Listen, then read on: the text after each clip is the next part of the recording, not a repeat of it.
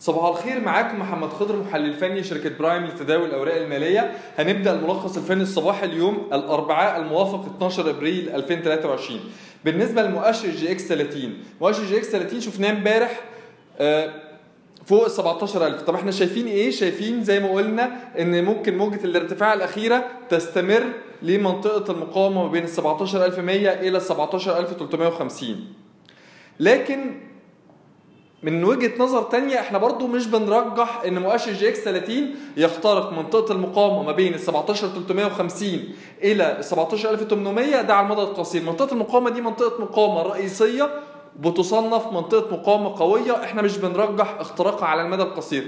هو ممكن يخترقها على المدى المتوسط؟ آه ممكن. لكن على المدى القصير لو هو خلال شهر أسبوعين ثلاثة شهر لا مش بنرجح اختراقها على المدى القصير.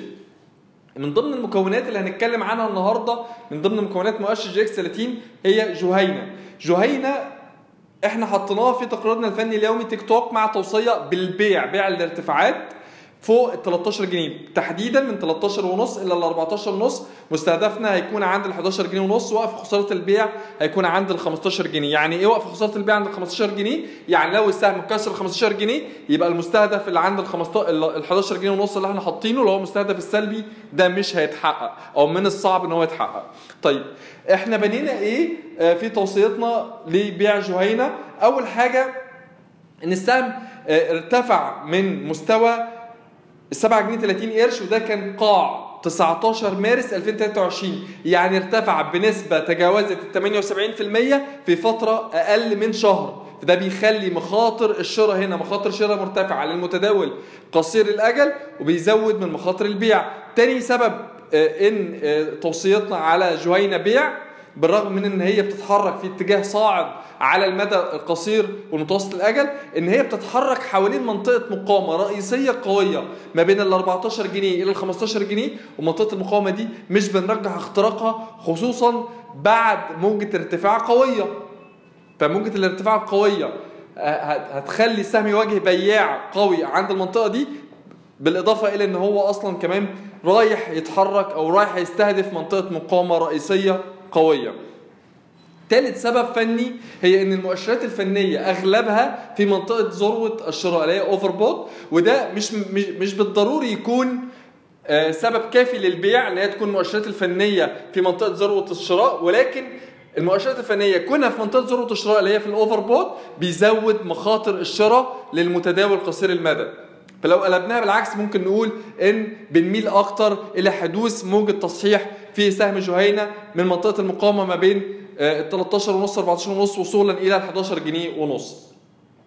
رابع سبب ثالث أو رابع سبب هي إن ارتفاع سهم جهينة في حالة آه، آه، إغلاق الشهر ده على ارتفاع هيكون خامس شهر على التوالي اللي اللي يغلق فيه سهم جهينة في المنطقة الخضراء فده برضو بيرجح حدوث موجة تصحيح بعد آه، آه، ارتفاع دام لخمس شهور متتالي.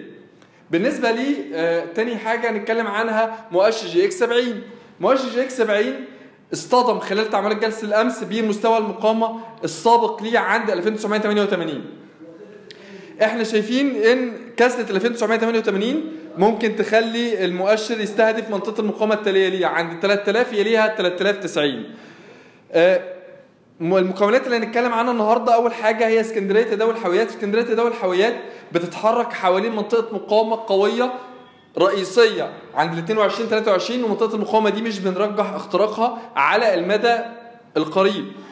ممكن تكسرها على المدى المتوسط لكن على المدى القريب إلى القصير الأجل إحنا مش بن مش بنرجح اختراق اسكندرية تداول حاويات منطقه المقاومة الرئيسية الحالية ما بين ال 22 و 23 تاني مكون هو آه، مصريين اسكان المصريين اسكان بيتحرك في اتجاه هابط على المدى القصير الأجل ولكن إحنا شايفين إن هو بقاله أكتر من جلسة بيتحرك فوق منطقة دعم ثانوية مهمة ما بين ال 24 إلى ال 22 إذا استمر تحرك المصريين سكان أعلى منطقة الدعم دي فده هيأهله لاستهداف مستوى المقاومة عند ال 28 وده بيمثل اختباره للمتوسط المتحرك ليه 50 يوم.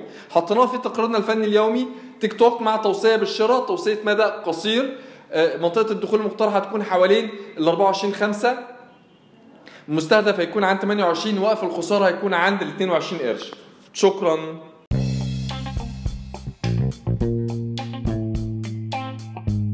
يرجى العلم أن هذا العرض هو لأغراض معرفية فقط، ولا يمكن اعتباره عرض أو توصية شراء أو بيع أو إدارة استثمارات أو خدمات استشارية. ينصح باستشارة مستشارك المالي قبل اتخاذ أي قرار استثماري، علماً بأن الأداء التاريخي ليس مؤشراً يعتمد عليه لتحديد الأداء في المستقبل.